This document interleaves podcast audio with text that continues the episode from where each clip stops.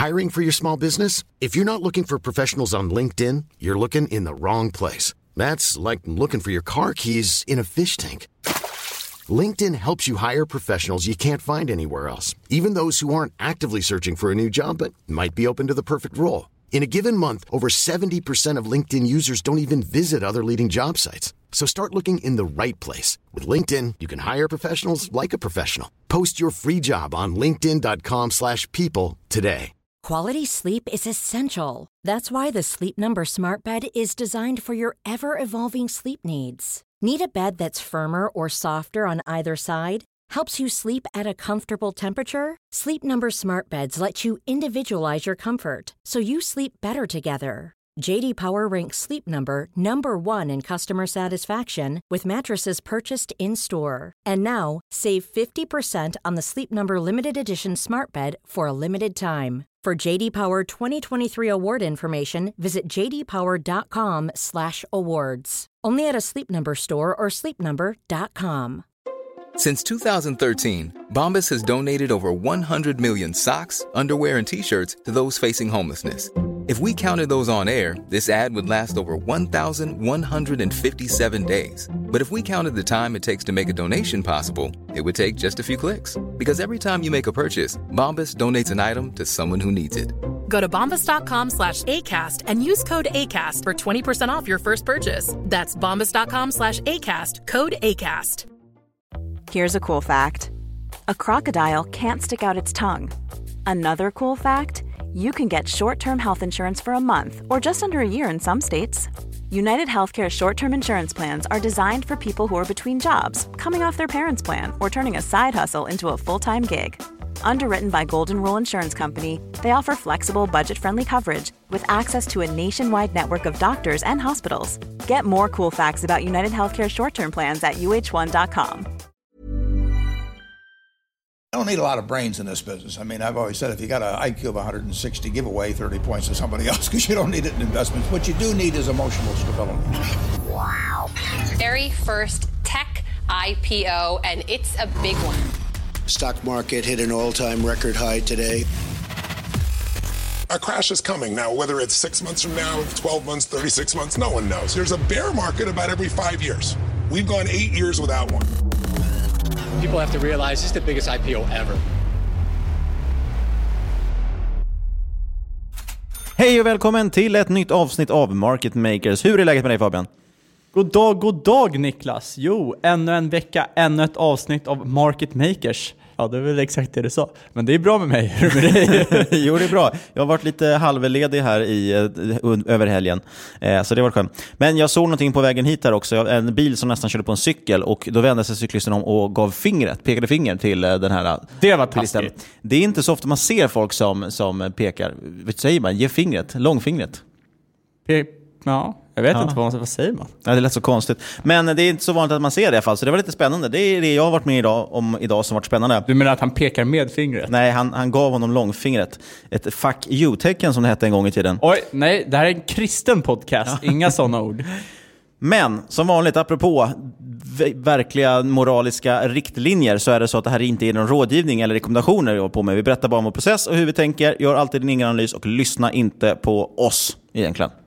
Nej, det är nog bäst att inte göra det. Ta det som underhållning. Vi ska i alla fall fortsätta med vår sektorspaning. Vi började med det i förra avsnittet. Nu blir det sektorspaningen 2.0. Vi har tre stycken heta trender vi ska kika på och kanske kort kommentera några case inom de sektorerna. Jag tror att det kommer bli väldigt spännande. Men först har jag hört ryktas om att det kommer bli ett makrosvep. Ja. Så här långt under första kvartalet har 450 bolag av 500 på S&P rapporterat. Eh, och de har ju rapporterat en aggregerad omsättningstillväxt och vinsttillväxt på 5% respektive strax under 2%. Och det kan ju låta trevligt, men det är ju ner från peak eh, som låg på peak earnings per share som låg på 24% under andra och tredje kvartalet 2018. Många kloka investerare brukar ju prata om att det man ska titta på är inte de faktiska siffrorna, utan man ska titta på det som kallas för rate of change, det vill säga eh, derivatan blir egentligen, hur, eller snarare andra derivatan. Hur snabbt ändras förändringstakten? Eh, och får man en, det är ju total störtdykning och kollaps om man går från 24% vinsttillväxt och ett halvår senare rapporterar man ungefär 5% vinsttillväxt. Och det är väldigt mycket som pekar på att nu Q2, Q3 kanske kommer den här eh, earnings recession, alltså vinsttillväxtrecessionen. Man kan ju se där i Q4 då, som jag liksom inte tog upp, då halverades ju earnings per share, så det har ju liksom halverats sen ja, en fjärdedelat. Så den här, Tillväxten vi, vi, till, i vinst per aktie. Ja, exakt. Den avtar ju väldigt, väldigt snabbt. Och fortsätter i den trenden så kan det ju bli rätt stökigt. Och vi har lite stökigt generellt nu. Det är lite spännande. Eh, vi har haft väldigt mycket också bolag som kommer till börsen. Det känns lite som att man håller på och pressar ut det sista nu. Försöker få ut, dumpa så mycket privata heta företag som möjligt. Vi har ju haft Lyft som har gått katastrofalt. Vi hade Beyond, Beyond Meat som har gått totalt tvärtom. Den har ju liksom mångdubblats bara på liksom någon vecka. Och sen nu förra veckan såg vi Uber som kom till börsen. Och det har ju slutat katastrofalt också. När börsen stängde på noteringsdagen så var Uber ned närmare 8%. Eh, jag tror idag, vi spelar in lite tidigare än vanligt på grund av våra scheman, eh, och då är det så att måndagen den 13 maj, jag tror att Uber är ner ungefär 10% idag bara. Eh, Fun fact i alla fall. Alla som investerat i Uber sedan december 2015, det är alltså för nästan eh, ja, det blir tre år sedan ungefär drygt, eh, exklusive Softbank, då, de ligger nu faktiskt back i Uber. Så det har ju väldigt, liksom, väldigt långt tillbaka som man redan nu kapat eh, vinsterna som fanns. Ja, men vem behöver profit när man har tillväxt, Niklas? Precis. Problemet är bara att det handlas på så sanslösa omsättningsmultiplar också. Så att Köpte man då Uber på IPO så hade man legat back 8% i fredags och idag, måndag, så närmare 11%. Men eh, det är ju inte så jätteöverraskande om, om man liksom hållit koll på typ konkurrenten Lyft som egentligen, det ser ju ut som ett finare bolag om man bara kollar på siffrorna, men de är ner över 40% sedan IPO eh, för sex veckor sedan. Precis, och det var ju bara här för några, några veckor sedan vi hade ett avsnitt där vi faktiskt tog upp Uber som exempel just då, prata om det här med hur ganska sanslös den värderingen var, skulle vara på 100 miljarder dollar. Nu är de nere på 60 miljarder dollar tror jag ungefär, så det har nästan halverats därifrån. Eh, men generellt, vi ser faktiskt att mängden företag som letar sig ut på börsen med förlust matchar piken under dotcom-bubblan. Eh, det betyder alltså att värderingen för de här bolagen eh, inte ens görs på PE, alltså man tittar inte ens på vinsten, för de har ingen vinst, utan man tittar på price to sales. Eh, och då är frågan, är den på rimliga nivåer? då? Nej, vi har ju sett Pinterest eh, IPOades på PS20. Eh, och eh, för några veckor sedan så snackade vi om foodtech-bolaget Beyond Meat. De eh, IPOades på astronomiska PS50. Nu har det gått helt okej för dem efter de är uppe 50-60% någonting. Och sen, men sen, det är nog segraren Zoom som IPOades till löjliga PS60. Vilket är helt sinnessjukt höga siffror. Man betalar väldigt mycket pengar för den här tillväxten. Precis. Zoom å andra sidan har ju gått fantastiskt bra och gått uppåt sedan den noterades, men är idag ner över 10% bara på den här dagen. Eh, men det är inte slut faktiskt på de här eh, märkligt värderade nynoteringarna som kommer. Eh, företag som troligtvis kommer börsnoteras nu här i, i under året. Eh, det är vår favorit WeWork, det PS26. Den har vi hackat på många gånger. De öppnar ju nu kontor också i Stockholm, eller eh, alltså kontorshotell i Stockholm. Eh, sen har vi Peter Fields eh, Palantir som noteras till PS55. Och sist men inte minst, då har vi den amerikanska motsvarigheten lite grann kan man säga till Avanza. Det vill säga tradingappen Robinhood. Och den noteras till PS-100. Det är en jämn och fin siffra. Fantastiskt! Och där har vi value. Det är kul, det finns en eh, gammal död kille som heter John Templeton. Han är ju känd som... man borde känna igen. Man borde känna igen Han är känd som en av världens genom tidigare bästa stockpicker, om inte den bästa stockpickern. Han sa ju under eh, IT-bubblan, alltså under dotcom-bubblan, att han tyckte det var helt sjukt att det fanns techbolag som hade ett PE på 100 och eh, price to sales på 20. Och nu ser vi de här techbolagen som de har inte ens vinst och price to sales som är liksom lika hög som han, price to earnings var för honom. Precis. Ja, det är helt sinnessjukt. Och då, jag vet att någon kommer kommentera, ja ah, men räntan, räntan är låg, it's different. Men eh, ja, det, man kan ju väl få rida det här hela vägen ner om man vill. I slutändan brukar värderingarna faktiskt spela roll. Och jag tror, jag vågar sätta ganska mycket på att de kommer att göra det framgent också. Burrows furniture is built for the way you live. From ensuring easy assembly and disassembly to honoring highly requested new colors for their award-winning seating, they always have their customers in mind. Their modular seating is made out of durable materials to last and grow with you. And with Burrow, you always get fast, free shipping. Get up to 60% off during Burrow's Memorial Day sale at burrow.com slash ACAST. That's burrow.com slash ACAST. burrow.com slash ACAST.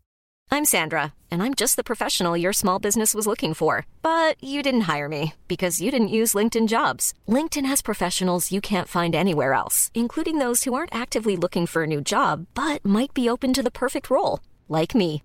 In a given month, over 70% of LinkedIn users don't visit other leading job sites. So if you're not looking on LinkedIn, you'll miss out on great candidates like Sandra. Start hiring professionals like a professional. Post your free job on linkedin.com/people today. Everyone knows therapy is great for solving problems, but getting therapy has its own problems too, like finding the right therapist, fitting into their schedule, and of course, the cost. Well, BetterHelp can solve those problems. It's totally online and built around your schedule. It's surprisingly affordable too. Connect with a credentialed therapist by phone, video, or online chat, all from the comfort of your home. Visit betterhelp.com to learn more and save 10% on your first month. That's BetterHelp, H E L P. A lot can happen in three years, like a chatbot may be your new best friend. But what won't change? Needing health insurance. United Healthcare Tri Term Medical Plans, underwritten by Golden Rule Insurance Company, offer flexible, budget friendly coverage that lasts nearly three years in some states. Learn more at uh1.com. Quality sleep is essential. That's why the Sleep Number Smart Bed is designed for your ever evolving sleep needs. Need a bed that's firmer or softer on either side? Helps you sleep at a comfortable temperature? Sleep Number Smart Beds let you individualize your comfort so you sleep better together. JD Power ranks Sleep Number number 1 in customer satisfaction with mattresses purchased in-store. And now, save 50% on the Sleep Number limited edition Smart Bed for a limited time. For JD Power 2023 award information, visit jdpower.com/awards. Only at a Sleep Number store or sleepnumber.com. Men nu ska vi gå till den roliga biten, lite med håsbiten. Nu ska vi prata om tre heta sektor, eh, sektorer, eller tre heta trender. Och den första då handlar om någonting som är väldigt, väldigt, väldigt litet. Och det är inte multiplar. Man skulle kunna säga att det är mikro. Så skulle man kunna säga. För det är nämligen mikrobiomet. Och då kan man ju fråga sig, vad är det här mikrobiomet? Jag frågar mig själv, vad är mikrobiomet? Det är helt enkelt en samling av mikrober som är, ja, det är ansamlat på kroppen och eh, oftast talar man ju då om en särskild mikrob som heter bakterier. Och det hoppas jag att de flesta som lyssnar på den här podden har hört tidigare. Att ni inte bara vet vad en aktie är, utan ni vet vad en bakterie är. Men det här med mikrober och mikrobiomet, det har blivit sjukt hett de senaste åren. Och det är ju allt eftersom forskare börjar inse vikten av liksom mikrobiomet och eh, framförallt i relation till människans hälsa. Precis. Ekosystemet med bakterier på människokroppen utgör faktiskt cirka 3% av vår totala massa. Men består samtidigt av cirka 10 gånger så många organismer som vi har celler i kroppen. Den, den siffran får inte jag in i mitt huvud, men det är så det ska vara tydligen. Eh, vi lever alltså väldigt mycket i symbios med de här bakter- bakterierna och de är en jätteviktig del faktiskt av vår kropp eh, på sätt och vis. Och, och det har man ju sett också, att det här med hur man faktiskt ärver bakterie, sitt liksom bakteriesystem och så vidare från föräldrar och så vidare, att det är väldigt, väldigt viktigt.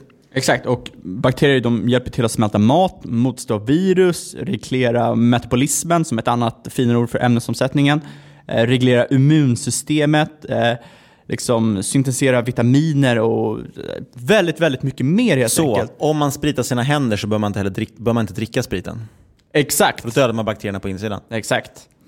Helt enkelt, vill man optimera sin hälsa så måste man ju ta hänsyn till bakteriekulturen och eh, det är kanske här som företag och investerare spetsar öronen. Hur kan man hacka sin bakteriekultur för att förbättra sin egna hälsa? Mycket framsteg senaste åren i det här området. Vi har haft förbättrad teknik för eh, gensekvensering bland annat. Kostnaden för att analysera genomet har ju minskat från cirka 10 miljoner dollar för 10 år sedan till mindre än 1000 dollar idag. Eh, och det som förut tog 10 dagar tar idag ungefär 4 timmar då, enligt National Institute of Health. Eh, även billigare, bättre datahantering har vi fått, eh, vilket vilket är faktiskt väldigt viktigt för det handlar ju om väldigt stora datamängder. Återigen det här big data. Eller som vi myntade förra eh, avsnittet, vad var det då? Extreme data.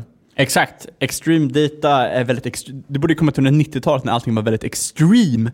Rad data. Men ett bolag som satsar väldigt hårt och ligger väldigt långt fram inom sekvensering och analys av mikrobiomet, det är Illumina. Och det de gör är att erbjuda instrument som tillåter forskare att analysera genetisk kod, där analysen ska ge möjlighet att drastiskt kunna förbättra patienters hälsa. Det är alltså lite mer av det här spadföretaget som vill tjäna pengar genom att tillhandahålla verktygen till liksom andra spelare på marknaden. Och det handlar alltså till en väldigt låg vinstmultipel. Jajamensan, endast PE 54,8. Allting under 100 är go, go, go. Och eh, fan så där kan man inte säga en podcast. Men de har i alla fall omsättningstillväxt på, i, på 12% i snitt de senaste tre åren och snittvinsttillväxt de senaste tre åren ligger på 23% vilket ger ett PEG på 2,9. Vilket man kan tycka låter högt, men med tanke på vad det är för typ av bolag så är det ändå rätt schysst eh, vinsttillväxt. Man brukar ju se de här helt galna, ja, för det första man brukar inte säga PEG på sådana här typ av bolag, men eh, Men du gjorde det ändå. De växer ju ändå ganska snabbt. Eh, kollar man i alla fall på majoriteten av forskningen inom området så är ju det på just mag och tarmfloran man har fokuserat mycket eh, och även de metabola sjukdomar. Eh, forskningen har gjort framsteg inom depression, man har gjort det inom ångest och stress. Man har alltså sett kopplingar mellan till exempel patienter som är deprimerade och vad de har för bakteriekultur. Eh, man har ju även sett att äter man, äter man mycket av en viss typ av mat så kommer den, de bakterierna som frodas i den typen av, av den typen av mat eh, multipliceras. Så att äter du mycket socker så kommer du få ett större sockersug till exempel. Det är egentligen ganska sunt förnuft, men det är intressant att det är kopplat just till, till bakterier. Eh, man ser också även att förändringar i bakteriekulturen kan påverka cellförökningen eh, och då cancer bland annat, speciellt i kolon, tarm och mage samt olika immunsjukdomar. Det, det du sa tidigare är väldigt viktigt. Hatar du till exempel, eh, eller är aldrig sugen på spenat? Kan det finnas en anledning och det är antagligen för att du inte äter, spenat. Nej, precis. Det är väl lite som, Moment 22. som eh, ja men exakt som, vad heter det med när man använder tandtråd? Man alltid blöder, så tandtrådar man inte. Ja men det är för att, ja, ni förstår, ni förstår. Forskning som det satsas stora pengar på idag är bland annat inom övervikt, eh, allvarliga allergier och olika typer av inflammatoriska sjukdomar. Det är fortfarande väldigt tidigt i den här utvecklingen ska vi påpeka. Eh, och forskare behöver fortfarande ta reda på vilka mikrober är mest effektiva för att nå önskat utfall om man tittar hälsomässigt. Eh, och hur kan man arbeta med dem? Och idag jobbar man bland annat med att transplantera hela mikrobiom. Alltså man tar från någon, någon annan individ och, transplanterar in de här. Eller så adderar man mikrober som då ska anses vara effektiva. Och Det får man via till exempel probiotika antibiotika och så vidare. Eh, eller så tar man bort dem då som anses vara dåliga. Eh, Bland flera bolag inom området finns till exempel Synlogic som utvecklar medicin genom att använda probiotika just för att användas mot problem med ämnesomsättningen eh, och metaboliska sjukdomar. Problemet dock kanske med att investera i sådana typer av bolag är att man sällan hittar bolag som verkar intressanta rent siffermässigt. då, Så att säga. Det är oftast väldigt heta sektorer så att då, då är det många också som kikar med bolagen. Eh, och Bra så- story, bad numbers. Precis, och Synlogic är väl ett bra exempel på det, för de har ett P minus 4, alltså det vill säga att man, har en, man visar ingen eh, vinst. Man har dessutom minskande omsättning och rätt tråkiga siffror allmänt. Ett svenskt bolag man kan kolla på däremot som är väldigt populärt är ju Svenska Probi. Precis. Som forskar och utvecklar probiotika till företag eh, inom livsmedel, hälso och läkemedelsbranschen. De satsar forskning på eh, framförallt mag, eh, mag, mag och tarmbesvär, immunförsvar, metabol hälsa och näringsupptag. De har ju också ett fantastiskt lågt PE på endast 50. Dessutom har ju det här P1 ett nedåtgående trend. Vad betyder det? Jo, att deras vinst går upp och deras pris går ner. Så att ja, det är väl trevligt. Över, över tid kanske man kan köpa in det till ett P20 eller någonting. De har stabil omsättningstillväxt på cirka 5% i snitt de senaste tre åren och eh, vinsten har sakta börjat trenda uppåt efter ett stort tapp mellan 2016 och 2017. Och de har ett PEG på 0,21 vilket är rätt intressant för det här typen av bolag. Ja, kan de hålla den typen av tillväxt, och nu är det här historiska siffror såklart, men ett PEG på 0,2 är ju otroligt intressant. Men det ska man inte använda som enda parameter, givetvis. Eh, allmänt i alla fall, det är ganska svårt att se exakt hur stor den här marknaden kan bli. Eh, det finns ett gäng konsultbyråer de, som gör undersökningar på det här som vi kikar på. Eh, och då kikar man någonstans, hamnar man att i dagsläget är den värderad till ungefär 250 miljoner dollar den här marknaden. Men den växer då med ungefär 20% per år. Vilket skulle resultera i en marknad värd strax under en miljard dollar inom fem år om man håller i det här. Då hoppar vi in på nästa sektor och vad kan det vara? Jo, det är quantum computing, eller kvantdatorer. Quantum. Quantum computing. Quantum leapsan. Det var här jag håsade lite i nyårsavsnittet har jag för mig.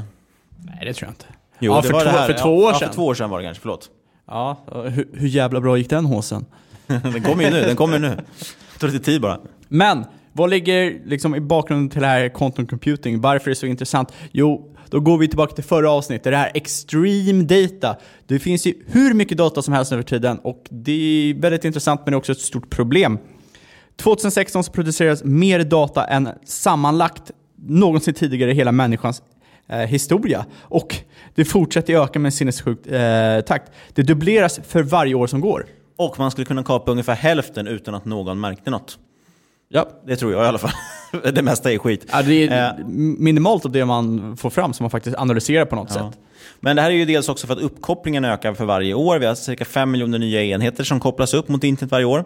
Eh, enligt Cisco då, så kommer 500 miljarder things, eller saker, alltså det vill säga things som är internet of things, vara uppkopplat till det stora intranätet 2030. Sjukt mycket data kommer det bli i alla fall, speciellt eftersom mycket av det här kanske är då, till exempel webbkameror, drönare och så vidare. Saker som ska skicka data på olika sätt. Eh, och man måste kunna processera den här datan för att kunna då applicera saker som artificiell intelligens, få köra föreläsare bilar, autonoma robotar med mera, med mera. Trots att dagens datorer är effektiva så är de inte lika effektiva som den mänskliga hjärnan. En mänsklig hjärna presterar cirka 1000 flops, det vill säga floating rate operations per second, på under 20 watt. Om man jämför det här med en data, så eh, i alla fall om man jämför det med världens mest kraftfulla dator i världen, vid Riken Institute i Japan, så krävs det cirka 750 000 gånger så mycket energi att utföra samma operation. Och vill vi alltså ta AI vidare till nästa nivå så måste vi alltså även ta datorerna vidare till nästa nivå. Och det här då, man kommer in med kvantdatorer, Så nu börjar jag faktiskt gå från teori till praktik. Och det var därför jag tog upp det i det här nyårsavsnittet, för jag tycker att det kändes som att det börjar hända någonting. Det börjar bubbla i alla fall. Eh, det görs kommersiella experiment på kvantdatorer, men först kanske vi också ska förklara vad en kvantdator är. Och det här är helt enkelt, eh, lite, vi kommer ju förenkla det här super, super mycket såklart. Eh, men delvis går man från att använda de enkla matematiska lagarna, som att 1 plus 1 är lika med 2, till att gå över till fysikens lagar helt enkelt, och kvantvärlden, som har löst löst så många filmers eh, liksom, manusproblematik genom tiderna. Ja, exakt. Det är bara att lägga in en quantum framför så kan man lösa nästan vad som helst. Ja, det är quantum zone och liknande. En kvantdator fungerar helt enkelt genom att, ja helt enkelt, men man programmerar atomer för att representera alla möjliga inputkombinationer. Och det här körs sedan som en algoritm för att testa alla kombinationer samtidigt. Om man jämför det här med dagens datorer så då kör man ju liksom varje möjlig input stegvis för att nå en eh, lösning. Sekventiellt helt enkelt. Precis. Eh, man använder ju ettor och nollor vanligtvis, eller bitar. Eh, och det använder man i dagens datorer. Då måste man testa först en nolla, nolla, sen en etta, nolla och så vidare. Alla möjliga kombinationer, en i taget. Om man ska försöka lösa ett problem som är okänt. Har man däremot kvantdatorer så använder man något som heter qubits, eller man skulle kunna översätta till kvantbitar. Och de här representerar ju både en etta och en nolla samtidigt. Vilket betyder då att man får en, en exponentiell tillväxt också i datorkraft, desto fler man lägger till. Så, hur funkar det då? Jo, kvantmekanikens värld är ju verkligen inte intuitiv. Vi ska inte på något sätt påstå att vi kan där. Men när saker blir väldigt, väldigt, väldigt små så börjar lite annorlunda lagar gälla. Eh, många känner säkert igen det här klassiska experimentet med Schrödingers katt. Det är inte ett experiment, det är ett tanke, tankeexperiment.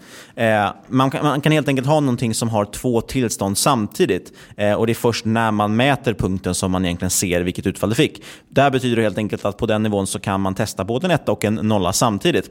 Eh, så en kvantdator tar liksom inte hänsyn till operationer som binära, det vill säga antingen eller, en etta eller en nolla. Ni som har programmerat tidigare känner ju till det här äh, operationen if-else, det vill säga antingen eller. Man ställer en fråga om det här talet är lika med det här, eller den här inputen är lika med det här, ja då ska vi göra det här. Och annars så ska vi testa en annan väg, det vill säga en väldigt enkel logisk liksom, eh, fråga egentligen. Eh, en kvantdator känner ju på sätt och vis då igen egentligen alla korrekta svar genast istället för att testa sig igenom en och en. Ja, mycket babbel om samma sak, men vad innebär det här? Ja, det innebär att jag antagligen väldigt många kommer ha åsikter kring hur vi har förklarat detta. Men eh, som sagt, vi har gjort vårt bästa för att dumma ner det för oss själva, inte för er lyssnare. I alla fall så innebär kvantdatorer en exponentiell acceleration och därmed mycket effektivare datorer än vad som finns tillgängligt kommersiellt idag. Om man lägger till ytterligare en qubit så dubblar man processkraften i en kvantdator. Eh, man skulle kunna jämföra det här med liksom idag har du 100 bitar och lägger till eh, en till så är det 101. Då, det händer ju inte så mycket då. Det händer Nej. inte så mycket om du lägger till en megabyte eller en gigabyte heller.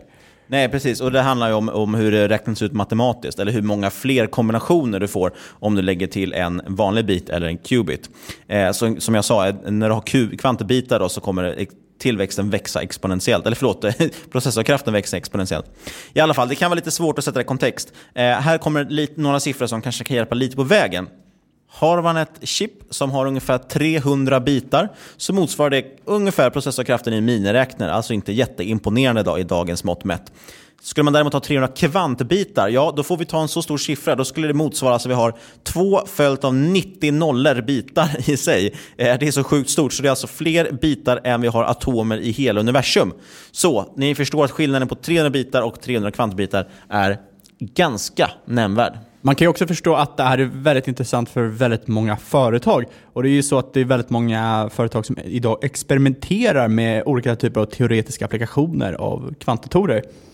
Du har ju till exempel Biogen som använder en enkel kvantdator för att designa nya molekyler. Eh, BASF använder det för polymerdesign. Nämnde vi förra veckan i samband med det här med plast. Exactamento Amigo. Två andra bolag vi nämnde förra veckan var ju Airbus och Lockheed Martin. Och de använder ju kvantdatorer för olika test vid flygplansutveckling. Du har ju NASA använder det för rymdresor. Och sen har vi då de eh, två stjärnbolagen Goldman Sachs och Morgan Stanley. Ja, de anser ju att kvantdatorer skulle vara superbra för portföljoptimering. Men då är frågan, vad hindrar det här från att finnas redan idag? Då? Varför har vi inte kommit längre? Jag pratade om det för två år sedan uppenbarligen.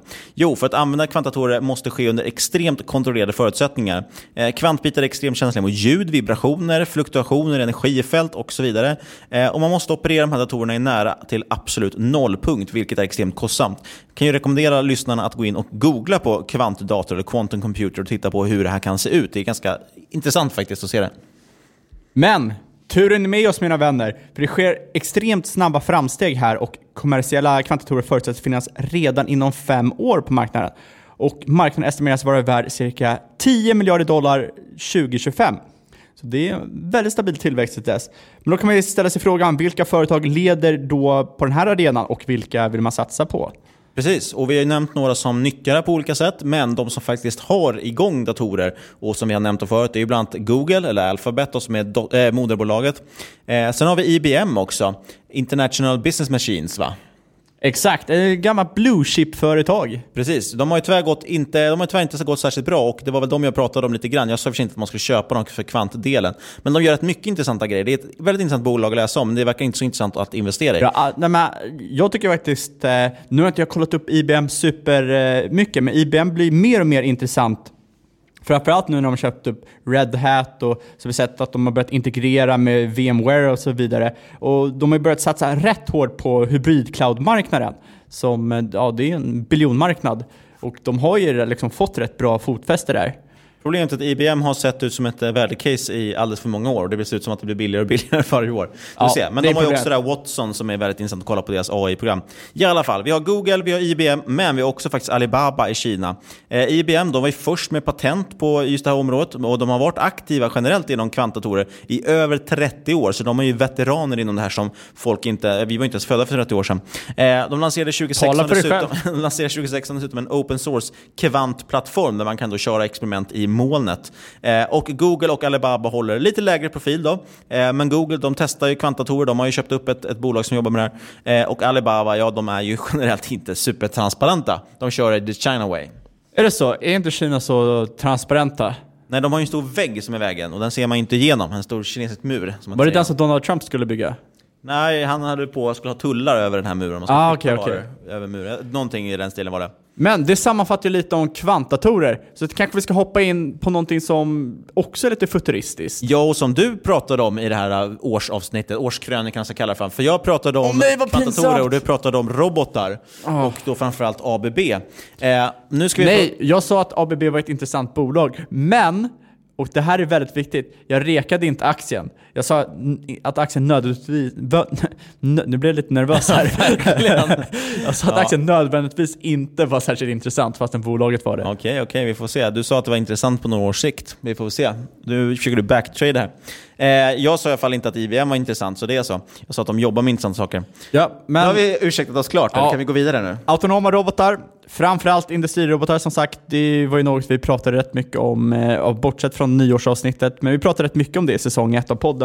Och eh, ja, vi hade väl allmänt lite mer sektorfokus då, kan man ju tänka sig. Ja, sen var det väldigt svårt att köpa de här tematiska ETFerna och då var det lite svårare också att jobba med den typen av teman. För oftast, eh, det vi gick in på var ju att man ska köpa kanske en korg då av bolag inom den här trenden, det vill säga det som ETFerna erbjöd. Skitsamma, vi tänkte i alla fall prata lite först nu om servicerobotar och det innefattar ju typ allt annat än just industrirobotar. Exakt, eftersom jag ändå pratar så mycket om industrirobotar. 2015 så var robotmarknaden värderad till 42 miljarder dollar och där utgjordes ju 85% av industrirobotar.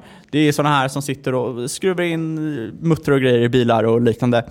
Resten utgjordes av servicerobotar och där finns det ju två kategorier. Du har professionella servicerobotar och Eh, personliga servicerobotar. Precis, professionella servicerobotar inkluderar ju drönare för till exempel militären, medicinska robotar, eh, robotar för lantbruk. Det är alltså någonting som generellt behöver skötas av en expert och det används i ett professionellt sammanhang, alltså inom någon form av industri eller företag och så vidare. Personliga servicerobotar däremot är robotar som hjälper till att ta hand om äldre, till exempel handikappade, eh, som utför hushållssysslor på olika sätt, opererar i olika typer av kommersiella miljöer. Marknaden för servicerobotar förväntas växa ja, rätt grovt skulle jag säga de kommande åren och professionella robotar förväntas sexdubblas och personliga robotar förväntas fyrdubblas innan slutet av decenniet. Och eh, marknaden förväntas vara värderad till minst 36 miljarder dollar 2020.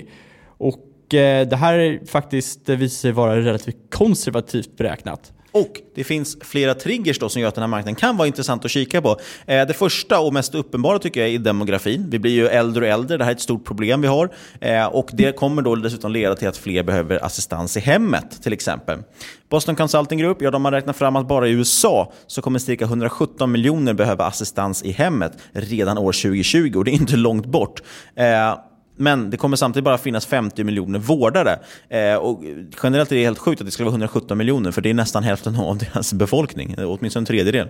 Robotar, som många kan tänka sig, de kan även eh, arbeta väldigt mycket effektivare än människor. Besparingar inom vården beräknas ligga omkring 15% årligen jämfört med om människor utfört samma syssla.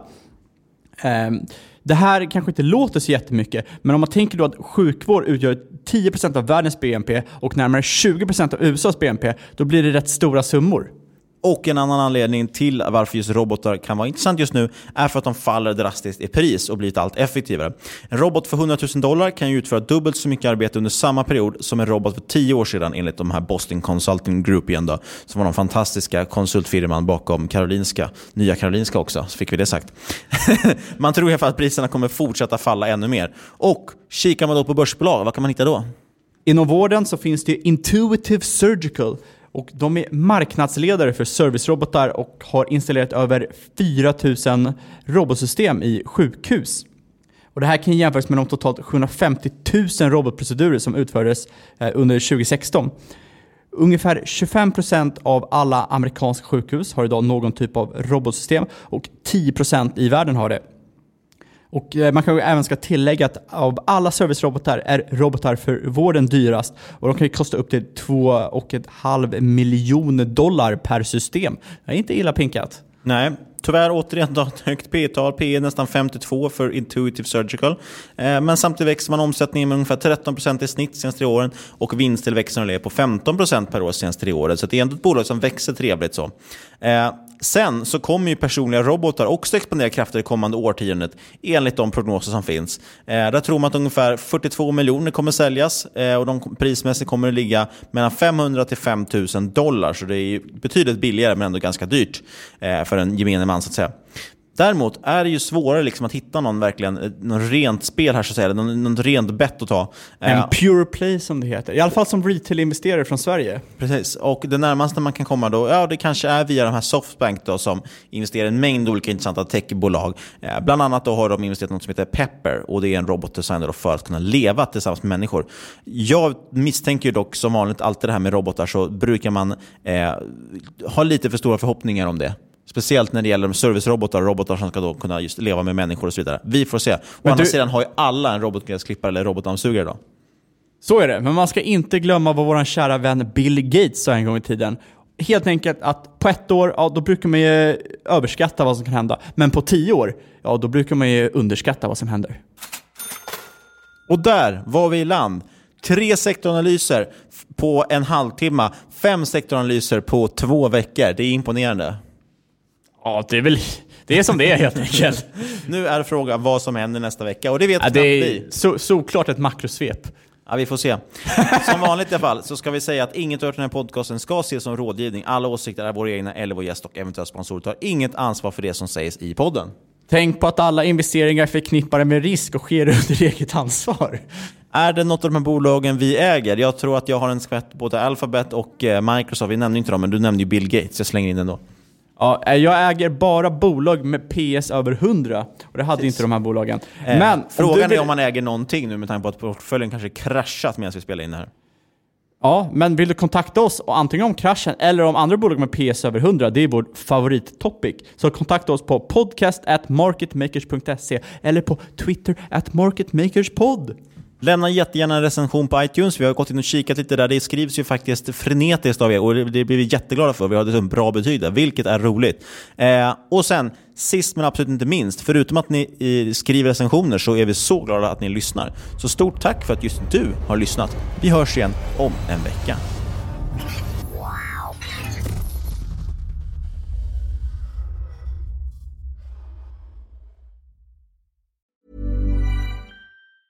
Mom deserves the best, and there's no better place to shop for Mother's Day than Whole Foods Market. They're your destination for unbeatable savings, from premium gifts to show-stopping flowers and irresistible desserts. Start by saving 33% with Prime on all body care and candles. Then get a 15-stem bunch of tulips for just $9.99 each with Prime. Round out Mom's menu with festive rosé, irresistible berry chantilly cake, and more special treats. Come celebrate Mother's Day at Whole Foods Market.